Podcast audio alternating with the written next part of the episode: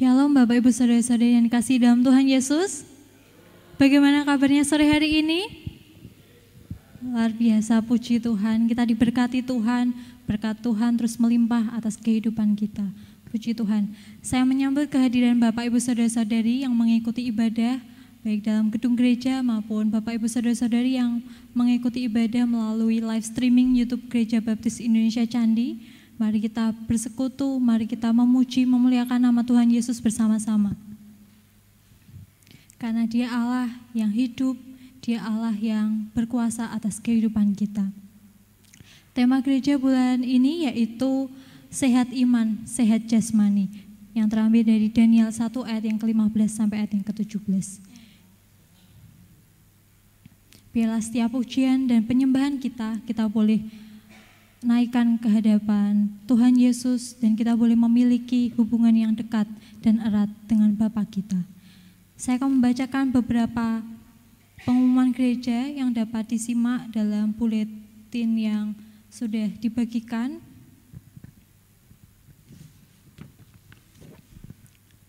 Laporan kegiatan minggu lalu dapat diperhatikan baik kehadiran maupun persembahan Gereja Baptis Indonesia Candi mengucapkan selamat ulang tahun kepada tanggal 24 September Ibu Dian Widi Hartanti, tanggal 25 September Saudari Kusyantini dan Bapak Doni Danardono, tanggal 27 September Saudara Yosia Eduardo Tegar Yuanda Putra, tanggal 30 September Ibu Eli Sumarsi.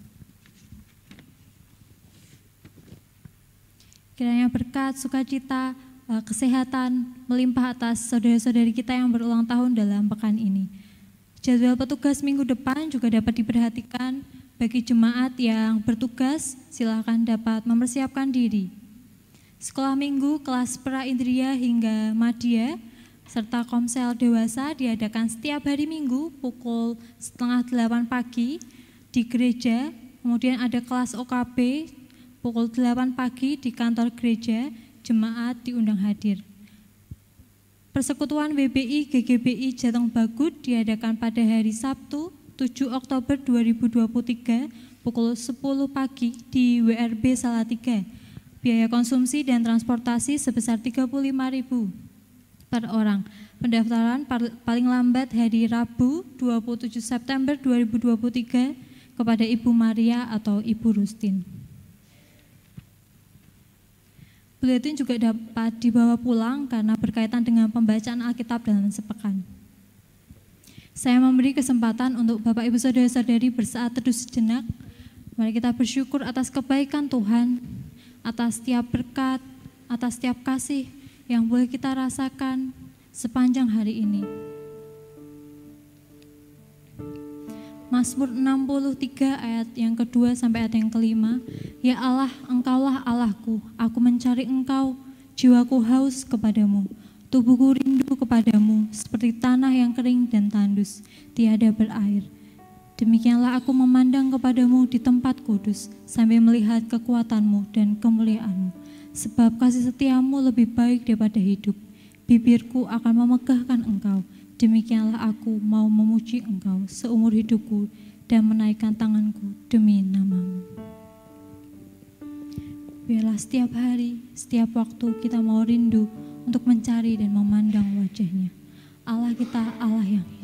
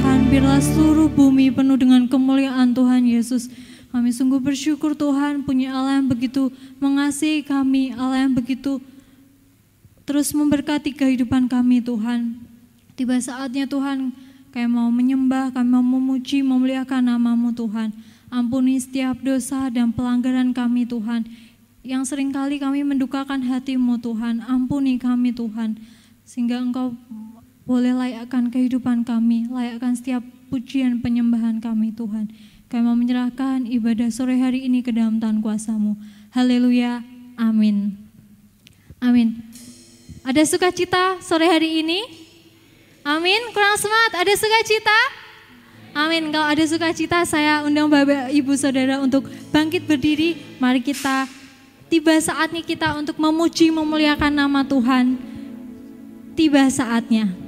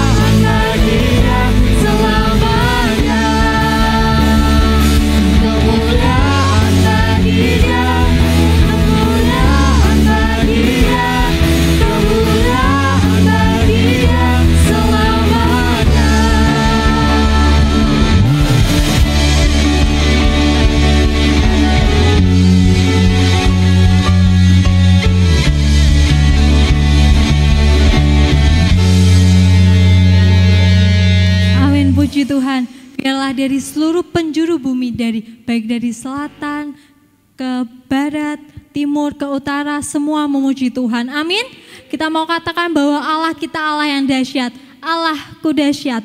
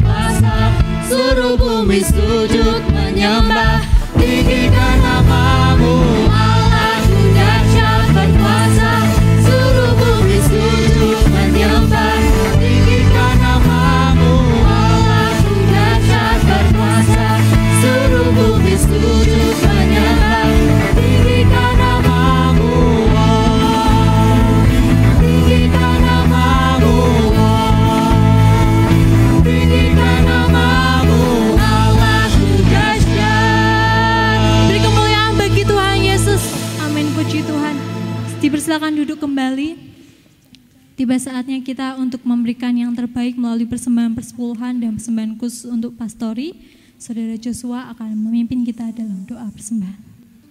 Baiklah, mari kita berdoa. Ya Tuhan, terima kasih karena Kau sudah menemukan kami pada malam hari untuk untuk memuji dan memuliakan namamu ya Tuhan. Karena kami akan memberikan persembahan kami ya Tuhan. Berkati persembahan yang kami berikan ini agar kiranya apa yang kami berikan ini bisa berguna bagi Engkau dan bisa untuk eh, memuliakan kerajaan ya Tuhan. Dan berkati kami yang bisa memberi dan berkati juga untuk kami yang belum bisa memberi ya Tuhan. Agar kiranya di ke depannya ini kami bisa memberikan untuk Engkau untuk kemuliaan namamu. Dalam nama Tuhan Yesus kami sudah berdoa. Haleluya. Amin.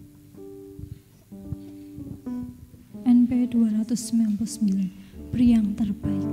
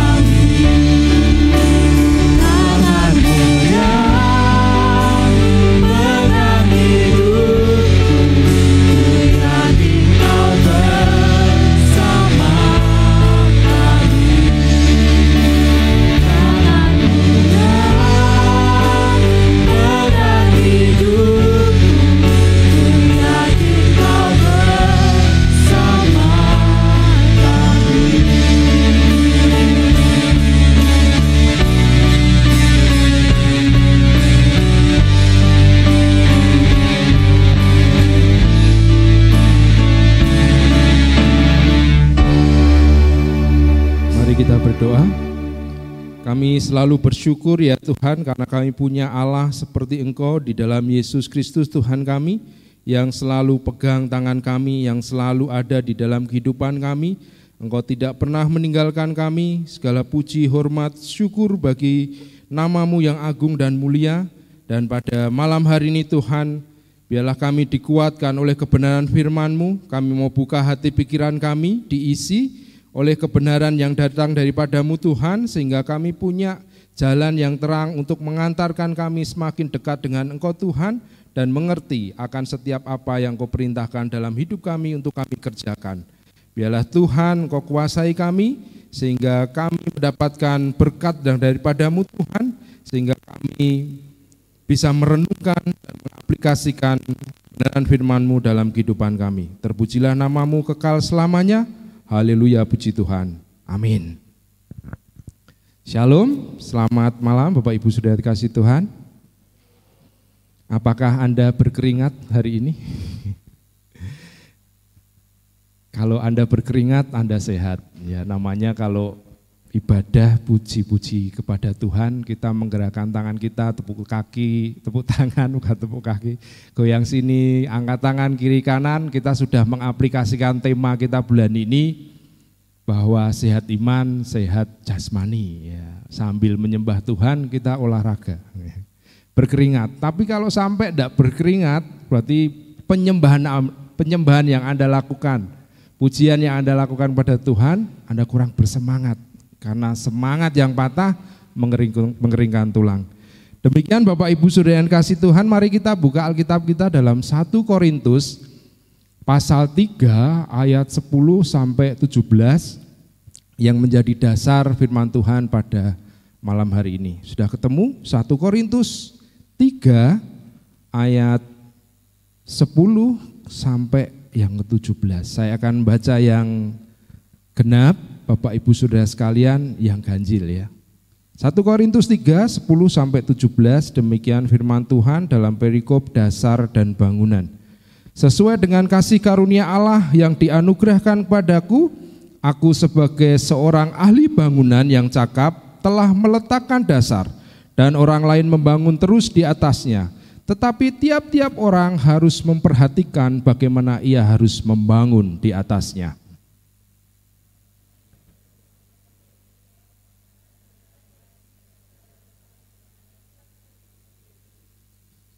Diulangi saudara, kurang kenceng, kurang semangat baca firman Tuhan.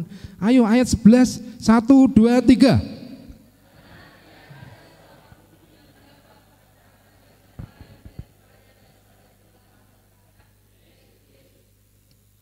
Entahkah orang yang membangun di atas dasar ini dengan emas, perak atau batu, permata, kayu, rumput kering atau jerami,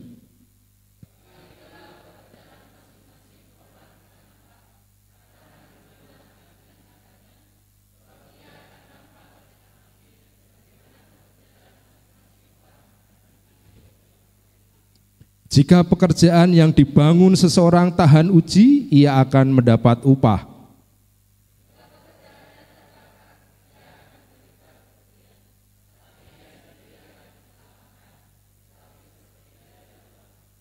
Tidak tahukah kamu bahwa kamu adalah bait Allah dan bahwa roh Allah diam di dalam kamu?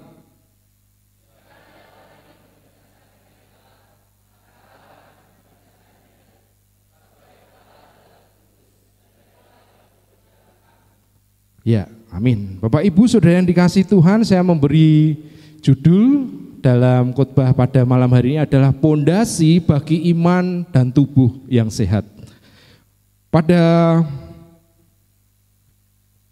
pasal yang kita baca, Paulus sedang mengumpamakan bahwa kita orang percaya adalah seperti sebuah bangunan. Ia bicara tentang dasar bangunan dan bangunan di atas dasar pondasi itu. Pasal 2, Bapak Ibu sudah sekalian jika membaca, dia bicara bahwa orang percaya, orang yang beriman pada Kristus seumpama ladang. Bicara tentang tanaman yang disiram dan tumbuh oleh karena kasih anugerah Tuhan. Ada perselisihan, ada iri hati jemaat di Korintus sehingga ada pandangan iman yang berbeda. Ada yang mengatakan aku golongan Paulus, aku golongan Apolos, dan aku adalah golongan Kristus. Paulus menasihatkan pada kita pada malam hari ini supaya kita memiliki iman yang kuat, iman yang sehat, serta tubuh yang sehat. Yang Paulus ingin beritahukan pada kita bagaimana kita memiliki iman dan tubuh yang sehat, kita perlu pondasi yang kuat, pondasi yang kokoh. Ia bicara di ayat yang ke-10 sampai 11 bahwa pondasi bagi iman dan tubuh yang sehat adalah memiliki pondasi yang kuat. Pondasi itu apa Bapak Ibu Saudara sekalian? Kita melihat ayat yang ke-10 saya sampai yang ke-11. Kita lihat Bapak Ibu Saudara sekalian, mari kita lihat, kita lihat Alkitab kita, HP Anda, tablet Anda. Ayat 10 dikatakan di sana ada uh, frasa yang mengatakan, Aku sebagai seorang ahli bangunan yang cakap telah meletakkan dasar. Dan ayat yang ke-11 ada frasa dasar yang telah diletakkan yaitu Yesus Kristus. Pondasi atau landasan yang kuat dari iman yang sehat adalah beriman hanya kepada Yesus Kristus sebagai Tuhan. Paulus menasihatkan kepada jemaat di Korintus, "Mengapa engkau beriman padaku? Ada golongan Apolos, ada golongan Paulus, ada golongan Kristus. Apakah Paulus disalibkan? Bukankah hanya Yesus Kristus yang disalibkan untuk menyelamatkanmu?" Yang menasihatkan bahwa landasan atau pondasi yang kuat adalah Yesus Kristus. Yesus adalah batu yang digunakan untuk membangun pondasi sebagai dasar bangunan yang kuat dan kokoh. Ketika pondasi yang kuat diletakkan sebagai dasar bangunan, maka ia akan menjadi pondasi yang teguh. Sehingga setiap orang yang percaya kepada Yesus Kristus sebagai Tuhan, dia tidak akan mengalami gelisah, takut, kecemasan di dalam hidupnya. Mari kita buka Alkitab kita. Apa yang dikatakan nubuatan oleh Yesaya tentang batu yang kokoh itu, pondasi yang kuat itu.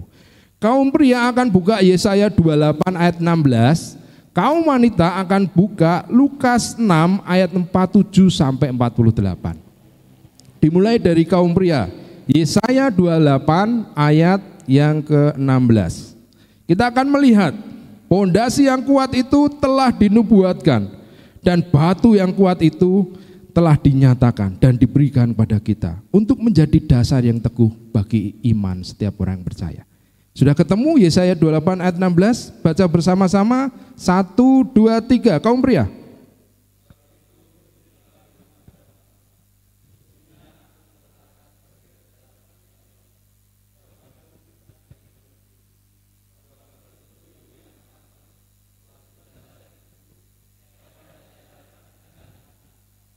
Siapa yang percaya tidak akan gelisah. Suatu pen, batu penjuru yang mahal, suatu dasar yang teguh. Ini adalah gambaran. Pondasi yang kuat, landasan yang telah diletakkan oleh Paulus kepada jemaat di Korintus adalah pondasi satu-satunya. Pondasi yang harus menjadi dasar iman setiap orang percaya untuk membangun imannya tumbuh secara dewasa di dalam Tuhan. Dan kita melihat di dalam Lukas 6 ayat 47 sampai 48. Kaum wanita ya, tiga ayat. Satu, dua, tiga.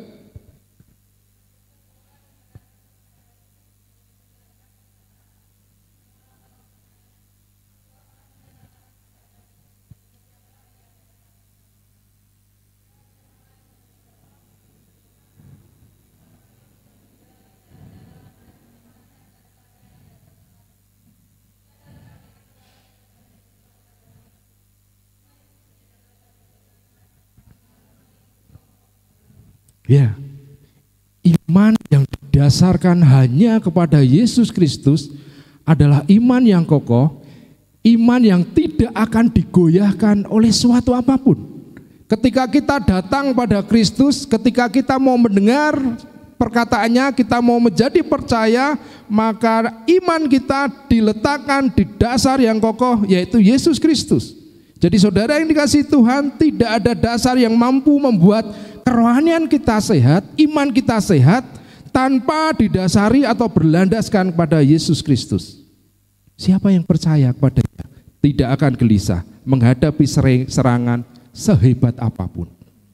Iman yang sehat. Yang pertama Paulus menasihatkan pada jemaat di Korintus dan malam hari ini pada kita bahwa iman itu harus diserahkan atau dibangun di atas dasar yang sesungguhnya. Dasar yang membawa keselamatan, dasar yang menguatkan, dasar yang meneguhkan, yaitu Yesus Kristus. Itu yang pertama Bapak Ibu Saudara sekalian. Lalu ia bicara, ketika dasar yang kokoh itu sudah diletakkan sebagai sebagai bagian kekuatan iman kita, maka diperlukan namanya bangunan yang kokoh. Jadi namanya gedung gereja ini seumpama Bapak Ibu Saudara sekalian, ia dikatakan sebagai bangunan yang kokoh itu dua hal. Lihat pondasinya, lihat sama bangunan yang dibangun di atas pondasi tersebut. Itu namanya bangunan yang kokoh. Jadi Rasul Paulus mengatakan bahwa Ketika kita mau membuktikan bahwa kita punya iman yang sehat, maka kita harus punya pondasi yang kuat, pondasi iman yang benar, yaitu Yesus Kristus sebagai Tuhan. Lalu ia bicara tentang bahwa ketika kita mau mempunyai iman yang sehat, iman itu harus dibangun dengan ketaatan.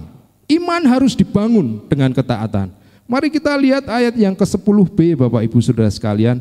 Ada frasa yang mengatakan di sana bahwa ketika kita membangun iman kita dengan ketaatan, bahwa dikatakan orang lain membangun terus di atasnya, tetapi tiap-tiap orang harus memperhatikan bagaimana ia harus membangun di atasnya. Iman kita perlu dibangun dengan ketaatan. Ketaatan itu bicara bahwa orang selalu memperhatikan supaya ia dapat memilih dan menemukan bahan yang tepat sebagai bagian bangunan yang berkualitas. Membangun iman dengan kekuatan, memperhatikan bahan yang tepat. Apa bahan yang tepat itu? Dimulai dengan memperhatikan. Apakah kehidupan kita sebagai orang yang percaya kepada Kristus memperhatikan untuk menemukan bahan yang berkualitas untuk kita persembahkan, untuk kita bangun di atas, di atas dasar iman yang kokoh? Bukankah dasar itu sudah bagus, berkualitas? Masakan kita membangun bangunan di atas di atas dasar yang kokoh itu dengan bangunan yang sembarangan? Kita akan lihat Bapak Ibu Saudara sekalian, Paulus mengatakan tiap-tiap orang harus memperhatikan. Memperhatikan adalah memusatkan pandangan sehingga pandangan tidak teralihkan. Ya. Bapak Ibu Saudara sekalian, kita itu kan kalau pria itu kan visual ya. Seringkali kita itu gampang teralihkan dengan pandangan-pandangan visual yang menggoda. Ya. Kalau Anda pergi ke gereja, ya saatnya mau berangkat ke sini, ternyata ada uh, wanita yang mempesona gitu ya, yang memberikan kedipan atau lambaian, Anda bisa berbelok arah, ya itu karena pria sering kali seperti itu. Memperhatikan, fokus terhadap sumber supaya kita, pandangan kita tidak teralihkan. Jadi kata memperhatikan ini seperti seorang seniman yang memperhatikan model supaya yang digambar atau dihasilkan itu mirip persis modelnya. Itu kata memperhatikan seperti itu. Dan fokus perhatian kita, pusat pandangan kita untuk memiliki iman yang sehat adalah kita berfokus kepada kebenaran Kristus. Lukas mengatakan bahwa setiap orang yang datang kepadaku dan mendengar perkataanku, ia dapat disamakan. Seperti orang yang membangun rumah di atas batu. Jadi kita perlu fokus pada apa yang menjadi kebenaran Kristus, perkataan Kristus sebagai pondasi iman kita, sebagai model iman kita. Memperhatikan bicara tentang selalu waspada. Selalu hati-hati. Dunia ini penuh dengan pengajaran Bapak Ibu Saudara sekalian. Bukan hanya dunia mengajarkan hal-hal yang bertentangan dengan firman Tuhan, tetapi sering kali guru-guru palsu atau orang-orang yang kelihatannya beriman pada Kristus atau kelihatannya seorang gembala atau ya seorang pendeta, tokoh Kristen ternama bisa saja itu mengajarkan ajaran-ajaran yang palsu. Seolah-olah itu firman Tuhan, tapi justru menjauhkan kita dari iman kita kepada Tuhan. Memperhatikan bicara tentang bagaimana kita selalu waspada dengan bentuk pengajaran, selalu hati-hati dalam menimbang-nimbang pengajaran yang dapat menyesatkan iman kita, yang banyak diajarkan gembala-gembala atau guru-guru palsu. Ini yang di- dihadapi oleh jemaat di Korintus. Ada guru-guru palsu, ada gembala-gembala palsu yang mengajarkan yang tidak sesuai dengan kebenaran firman Tuhan. Kita perlu fokus apa yang menjadi kebenaran yang Yesus Kristus katakan sehingga kita dapat memilih memilih bahan yang tepat. Memilih bahan yang tepat. Selalu waspada supaya kita bisa memilih bahan yang tepat, membangun iman kita di atas dasar yang kuat, batu yang kuat Yesus Kristus itu. Memilih bahan yang tepat. Mari kita perhatikan ayat 12. Bahan yang tepat itu seperti apa Bapak Ibu Saudara sekalian? Dalam ayat 12 dikatakan, entahkah orang yang membangun di atas dasar ini dengan emas, perak, batu permata, kayu, rumput kering, atau jerami. Ada dua bahan yang disebutkan. Yang pertama bahan yang disebut dengan batu mulia. Ada emas, perak, batu permata. Merupakan jenis bangunan yang berkualitas. Ini sering kali batu-batu seperti ini sering kali ada dalam istana raja atau kuil-kuil penyembahan dewa-dewa. Tetapi ada juga karena bahan ini dipakai berkualitas sehingga orang ingin membangun bangunan yang bagus, indah, dan tahan lama. Tetapi, tetapi juga ada bahan yang kurang bagus. Ada kayu, rumput, atau jerami.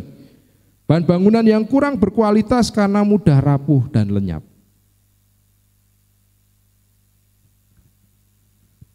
Rasul Paulus ingin jemaat Tuhan membangun iman di atas bangunan dengan bahan yang berkualitas. Karena dasar iman yang telah diletakkan adalah dasar yang kuat. Bahan-bahan bangunan berkualitas berupa batu mulia, emas, dan perak. Ini adalah bahan bangunan yang diberikan Raja Salomo untuk membangun bait Allah. Raja Salomo ingin memberikan yang terbaik karena bait Allah merupakan rumah bagi Allah bersemayam. Salomo ingin memberikan yang terbaik untuk kemuliaan Allah Israel. Bahan-bahan yang berkualitas ini adalah kiasan atau metafora tentang pelayanan kita sebagai orang beriman pada Yesus. Apakah pelayanan kita dibangun oleh keinginan daging atau keinginan roh Allah? Apakah pelayanan-pelayanan yang kita berikan di dalam rumah Tuhan sering kali hanya ingin memuaskan kedagingan kita atau keinginan roh Allah? Seringkali kita memaksakan kehendak yang bukan merupakan kehendak Allah, bukan untuk kemuliaan Allah. Kita cenderung untuk mencuri kemuliaan Allah lewat setiap pelayan-pelayanan kita. Seorang yang percaya kepada Yesus, seorang yang beriman kepada Yesus, ia adalah seorang pembangun. Orang yang membangun imannya. Ia membangun imannya tetap sehat dengan pelayanan yang berkualitas dan efektif.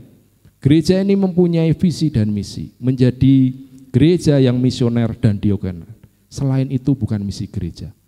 Gereja tidak membangun gereja yang megah, hebat, dengan segala standar kemewahan, sound system dan sebagainya, karena ada kemuliaan Allah yang harus dikerjakan. Menjadi gereja yang misioner dan diogoner. Bicara tentang penginjilan, bicara tentang bagaimana nama Kristus dimuliakan di luar gereja. Bicara tentang sosial, bicara tentang memperhatikan orang-orang. Itu adalah pelayanan yang berkualitas dan efektif.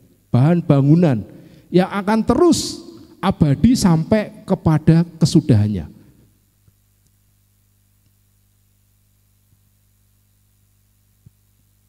Bapak Ibu yang dikasih Tuhan, saat iman kita sehat, kita dapat memilih bahan yang berkualitas. Kita dapat mempersembahkan pelayanan yang berkualitas sebagai bagian kita membangun iman kita, membangun bangunan yang kuat di atas dasar iman Kristus.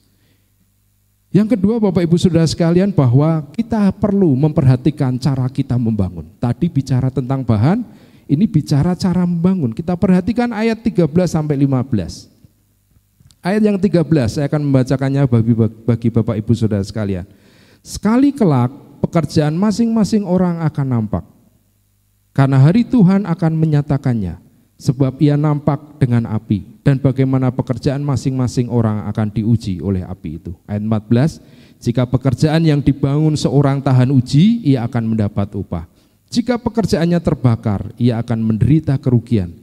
tetapi ia sendiri akan diselamatkan tetapi seperti di dalam api. Cara Anda membangun akan nampak dan diuji pada hari Tuhan yang nampak dengan api.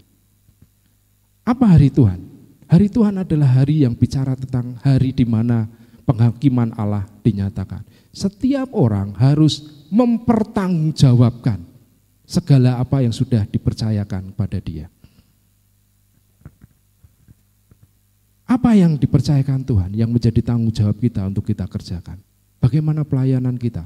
Bagaimana kita menyatakan diri mengaku beriman kepada Kristus, tetapi apakah yang kita bangun di dalam apa yang sudah kita apa yang telah dipercayakan kita kepada kita untuk kita kerjakan?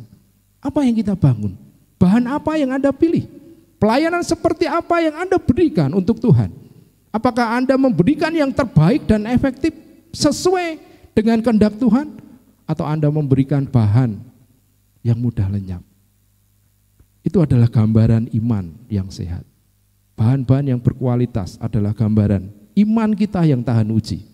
Tidak mudah dihanguskan, tidak mudah dihentikan oleh penderitaan dan apa pun masalah di dunia ini.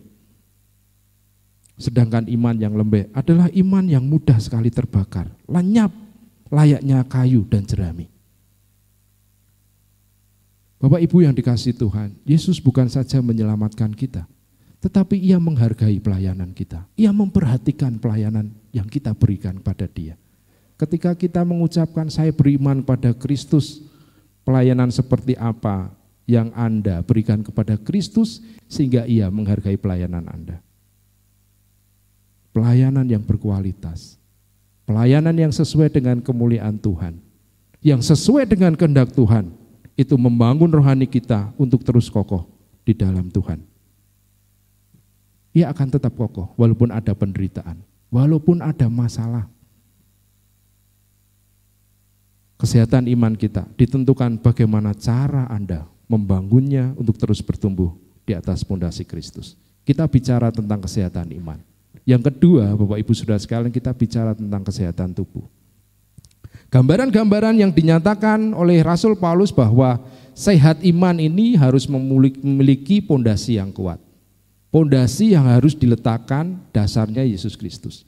Dibangun dengan ketaatan supaya kita dapat memilih bahan yang berkualitas dan kita ngerti cara membangunnya.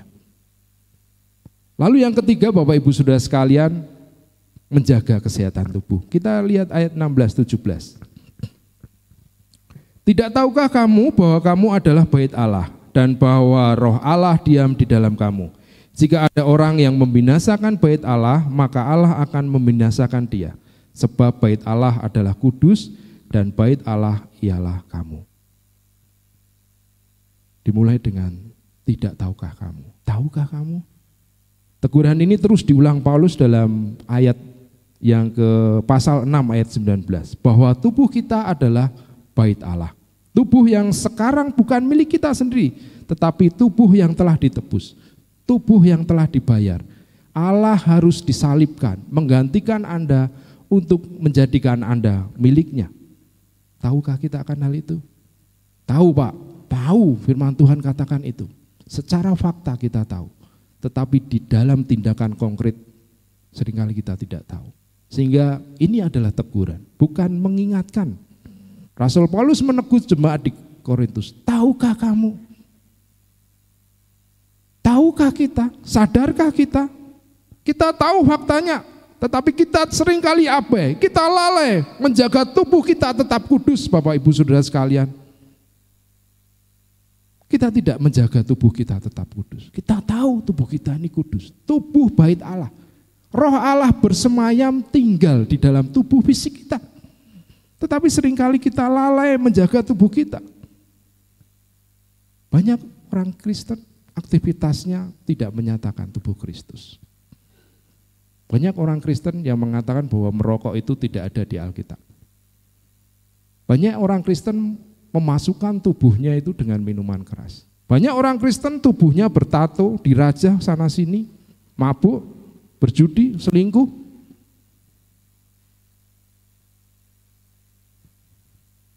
Tidak bisa dibayangkan saudara, ketika Anda ngerokok, mabuk gitu ya. Anda memasukkan ke dalam tubuh Anda, di situ ada Allah. Roh Allah berdiam diri. Bait Allah, hidup Anda bukan milik Anda.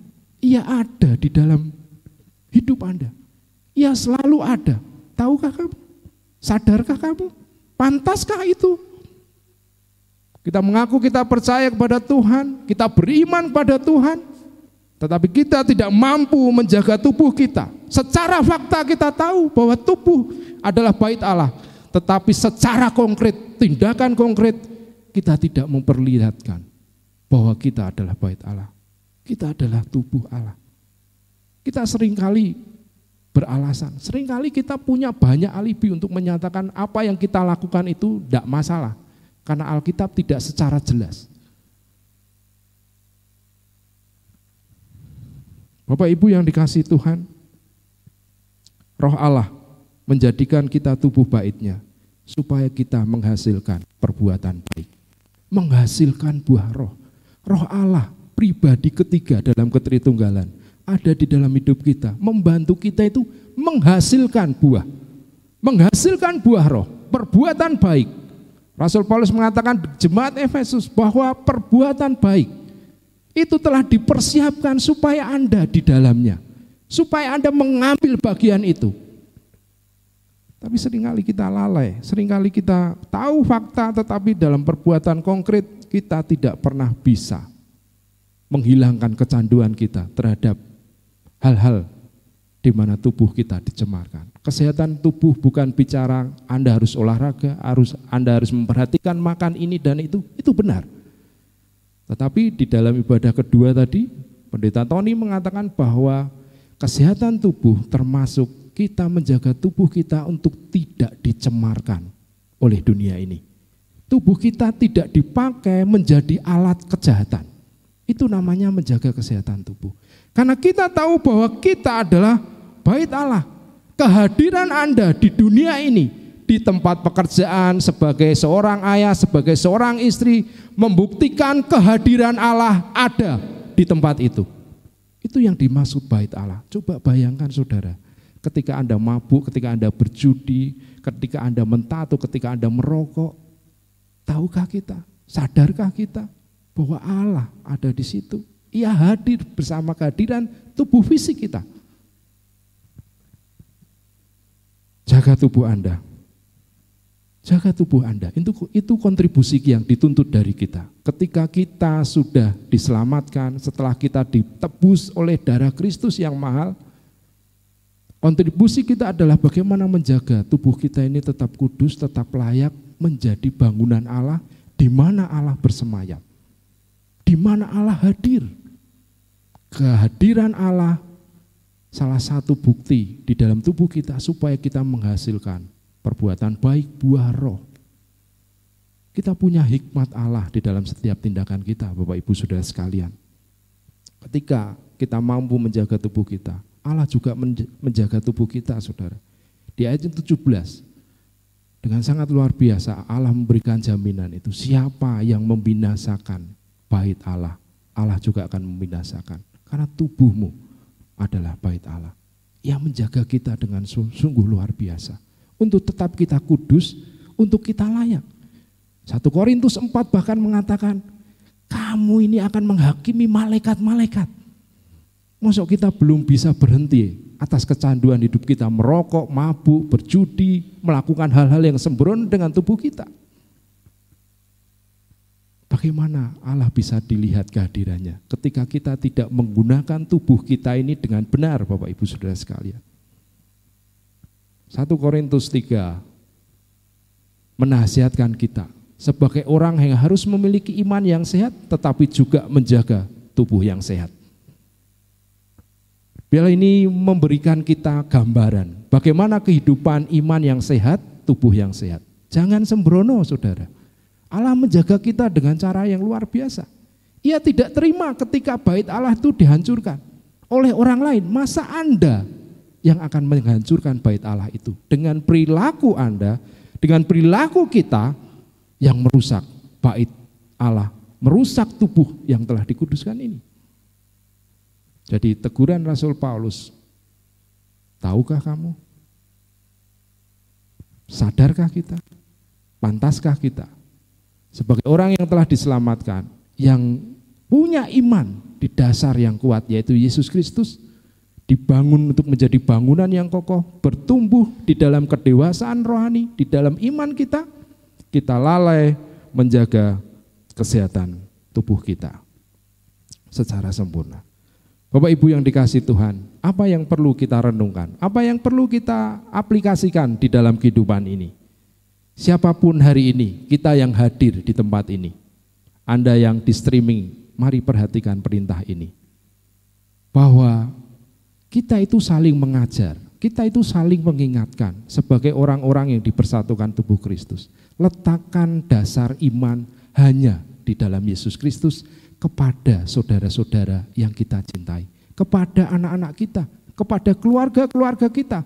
Beritakan bahwa iman yang sesungguhnya, iman yang menyelamatkan, iman yang menyehatkan hanya didasarkan kepada percaya kepada Yesus Kristus. Ia adalah batu yang kuat. Ia yang akan menjaga hidup Anda. Apa pun ancaman hidup ini tidak akan sanggup menghancurkan iman Anda, kepercayaan Anda, memisahkan Anda dari pondasi yang kokoh tersebut, Bapak Ibu Saudara sekalian. Siapa pun kita. Kalau Anda belum memiliki gambaran yang jelas tentang siapa itu Yesus Kristus, bulan ini kita terus diingatkan bagaimana menjaga iman yang sehat. Harus diletakkan keselamatan hanya ada di dalam Yesus Kristus para gembala, guru sekolah minggu, para diakon, panitia perancang gereja, pelayan-pelayan Tuhan, jangan pernah berhenti akan belajar tentang kebenaran firman Tuhan. Baca Alkitab. Anda dipercaya sebagai bagian untuk mengajar, membangun iman jemaat yang dipercayakan pada kita. Jangan pernah bosan untuk membaca Alkitab, terus belajar. Supaya kita mengajar dengan benar, supaya kita memperlengkapi jemaat dengan benar. Ya. Jangan pernah menolak pelayanan. Panitia perancang gereja 2023 akan berakhir. Akan ada lanjut 2024, 2026 ya, 2026, tiga tahun. Tiga tahun atau dua tahun. Jadi mari ambil bagian. Berikan pelayanan yang seturut dengan kehendak Allah. Kita dipanggil, ditebus, diberi macam karunia, bakat dan talenta untuk menjadi pelayan Tuhan. Jangan pernah katakan tidak terhadap pelayanan. Jangan hanya memilih pelayanan yang menyenangkan hati Anda, tetapi pilihlah pelayanan siap sedia untuk menyenangkan hati Allah. Jemaat Tuhan terus belajarlah firman Tuhan. Ketika orang-orang yang dipanggil menjadi gembala, guru, diakon, panitia-panitia dalam gereja ini mempersiapkan diri, anda juga diingatkan, setiap orang masing-masing ya, harus memperhatikan dan hati-hati dalam membangun. Ketika Anda diajar oleh kebenaran firman, carilah pengajaran yang sehat. Cari gereja yang benar. Banyak gereja-gereja yang menyenangkan di sana dengan berbagai macam fasilitasnya, tetapi sangat lemah dalam pengajaran. Jangan cari gereja hanya komplit segala sesuatunya, tapi carilah pengajaran di dalamnya Carilah gereja yang sesuai dengan kehendak Allah, memperhatikan jemaatnya, bukan memperhatikan kesenangan jemaatnya, tetapi membawa jemaatnya untuk dapat mempersembahkan untuk kemuliaan Allah kita. Iman kita sehat, tubuh kita sehat, mari kita ingat nasihat Rasul Paulus bagaimana menjaga supaya itu terus ada di dalam hidup kita. Kita dibangun menjadi serupa dengan Kristus karena ia adalah model iman kita. Amin. Mari kita berdoa.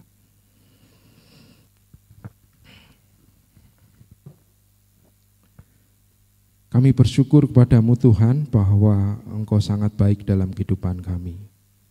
Engkau memampukan kami untuk kami dapat terus diingatkan oleh kebenaran firman Tuhan untuk berjalan di dalam kehendakmu Tuhan.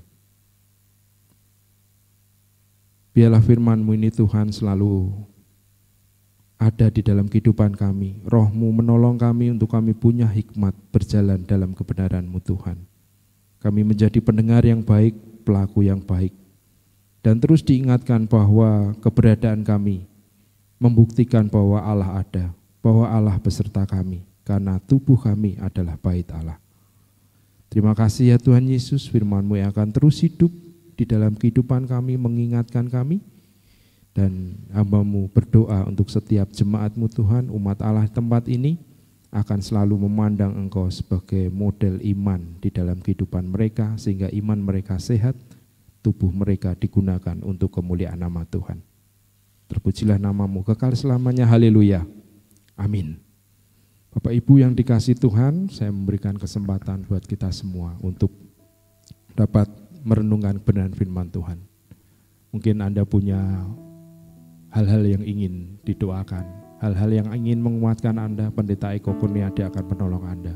Atau Anda mau mengaku bahwa saya mau beriman terus di dalam Tuhan. Saya mau memulatakan iman di dalam Tuhan Yesus. Mungkin Anda punya keraguan tentang iman yang mana yang harus aku percaya. Aku belum menemukan dasar yang teguh untuk imanku berada. Pendeta Eko akan menolong Bapak Ibu Saudara sekalian didoakan. Atau Anda punya pergumulan yang mungkin saat ini Anda merasa susah dan tidak menemukan jalan keluar. Mari datang pada Tuhan. Atau Anda punya komitmen, Tuhan aku mau menjaga tubuhku ini untuk sehat. Aku tidak mau kecanduan hal-hal yang merusak tubuh.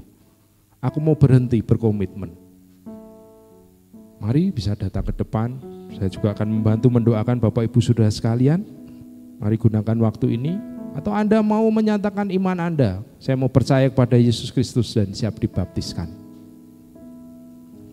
Ada banyak pelayanan-pelayanan di gereja ini. Atau Anda mau berkomitmen, aku mau pelayanan Tuhan. Aku mau dipakai untuk Tuhan. Sebagai bentuk bahwa aku bersyukur karena Tuhan telah menjadikan hidupku bait Allah.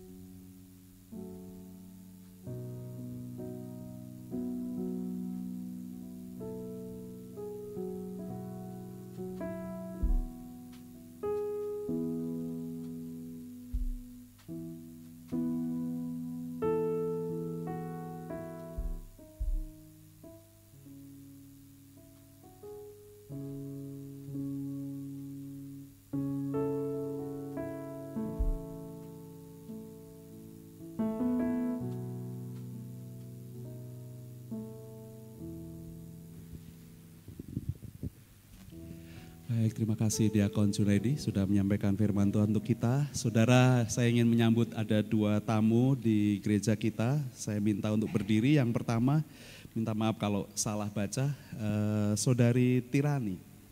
Tuh, Boleh berdiri? Oke, betul Tirani, makasih. Tirani tinggal di Jalan Kawi, betul ya? Kawi, baik.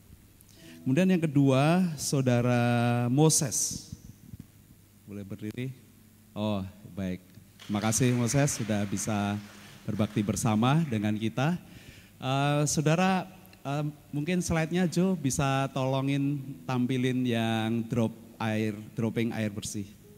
Saudara gereja kita bisa ikut ambil bagian untuk uh, juga membantu saudara-saudara kita di Kabupaten uh, Gerobokan khususnya di gereja-gereja rayon Purwodadi itu mengadakan dropping air bersih dan uh, ada lima titik kemarin yang sudah di, didistribusikan dan gereja kita bisa ikut ambil bagian. Jadi satu satu tangki itu 200 ribu, jadi kita ikut ambil bagian ada dua setengah tangki uh, untuk ya lumayan. Kemudian Uh, ke depan ada tiga hari ke depan mereka juga akan mengadakan lagi dropping air bersih karena di sana terjadi uh, kekeringan uh, dan baru turun hujan baru sekali sekali saja sampai hari ini dan bisa untuk nanam ya kalau di sana Jadi kita bersyukur kita bisa ikut ambil bagian dalam dropping air bersih di Kabupaten uh, Gerobokan. Baik saudara mari kita akan berdiri bersama-sama, kita akan berdoa, syafaat dan menutup dengan doa berkat. Bapa di dalam surga, kami sungguh bersyukur karena Tuhan memberi kepada kami kehidupan. Memberi kepada kami roh, jiwa, dan tubuh dan memberi hikmat kepada kami sesuai dengan firman-Mu agar kami juga dapat hidup dengan sehat iman dan kami juga dapat memperhatikan tubuh kami untuk kami bisa mempersembahkan tubuh kami sebagai persembahan yang hidup, yang kudus dan berkenan kepada Tuhan. Dan kami sungguh bersyukur kami bisa ikut ambil bagian di dalam kesulitan, kesusahan, beberapa tempat orang-orang yang ada mengalami kekeringan, mereka tidak bisa tanam, mereka tidak mendapatkan sumber air bersih, sumur-sumur yang kering dan distribusi air yang terbatas. Dan kami semua baik di gereja cabang di Sarerjo maupun cabang Cerewek dan beberapa gereja di uh, Rayon Purwodadi terlibat di dalamnya. Dan kami Eh, bersyukur karena campur tangan Tuhan dan biarlah ini menjadi bagian di mana kami bisa mewujudkan gereja dengan semangat diakoner yang bisa menolong, menunjukkan kebaikan hati Tuhan kepada saudara-saudara kami yang kekurangan dan dalam kesulitan dan kekeringan. Dan kami berdoa untuk di beberapa tempat di negara ini yang juga sedang mengalami kekeringan, biarlah eh, sumber-sumber air maupun eh, waduk maupun bendungan dan cadangan-cadangan air yang ada bisa menolong mengairi uh, persawahan dan itu bisa menolong untuk produksi uh, pangan dan menopang uh, kebutuhan bangsa kami. Dan kami juga berdoa supaya sekalipun ada di resesi pangan secara global, akibat perang dan beberapa hal yang uh, termasuk bencana alam yang terjadi dan beberapa kekeringan yang terjadi di beberapa negara juga kami memohon belas kasihan Tuhan memberkati dan supaya kami juga bisa menjadi saluran berkat. Kami berdoa untuk para pemimpin-pemimpin kami yang hari ini berjuang dengan keras untuk mengatasi uh, begitu banyak kesulitan dan krisis yang berlangsung. Kami mohon hikmat dan pertolongan Tuhan memberkati sehingga juga rakyat Indonesia diberikan bahu yang kuat untuk memikul segala sesuatu. Mereka bisa bekerja keras, mereka bisa bergantung pada Tuhan, mencari kehendak Tuhan dan biarlah dapat diwujudkan dalam kehidupan uh, berbangsa dan bertanah air, bisa saling membantu, saling memperhatikan dan kami ingin memberi yang terbaik. Kami berdoa untuk gereja ini melalui pelayanan PPA, Compassion kami, bisa menolong anak-anak penerima manfaat dan juga setiap keluarganya.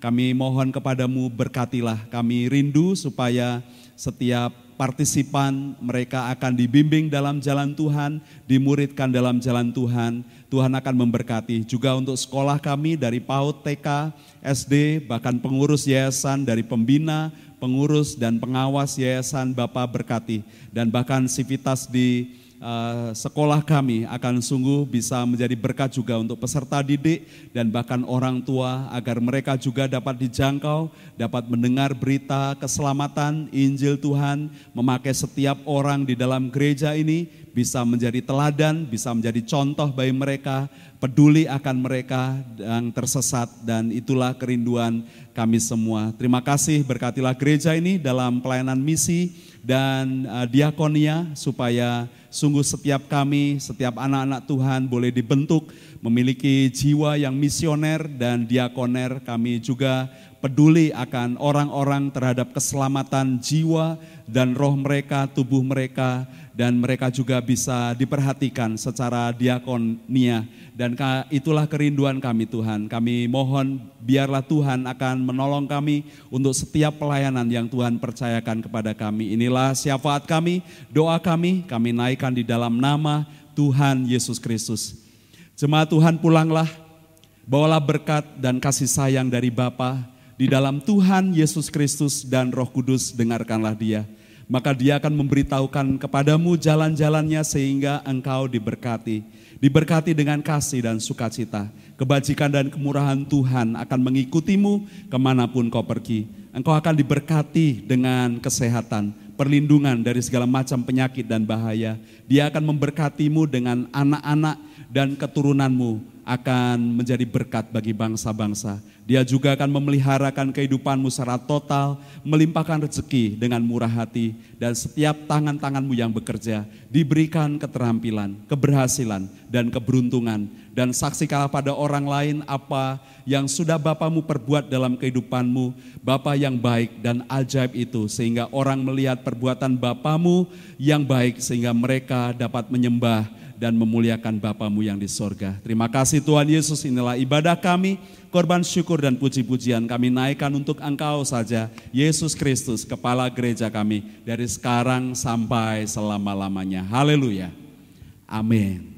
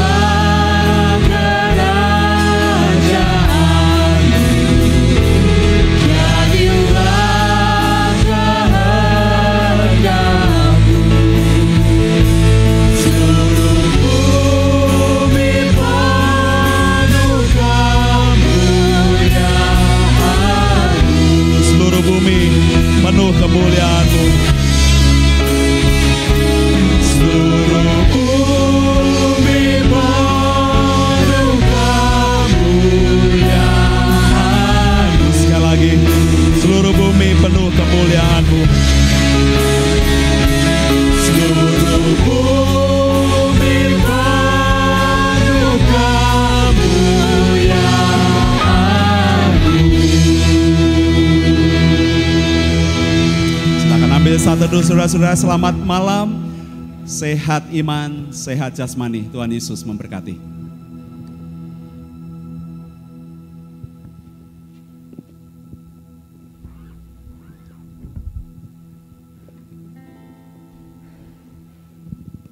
Amin, selamat malam Tuhan Yesus memberkati.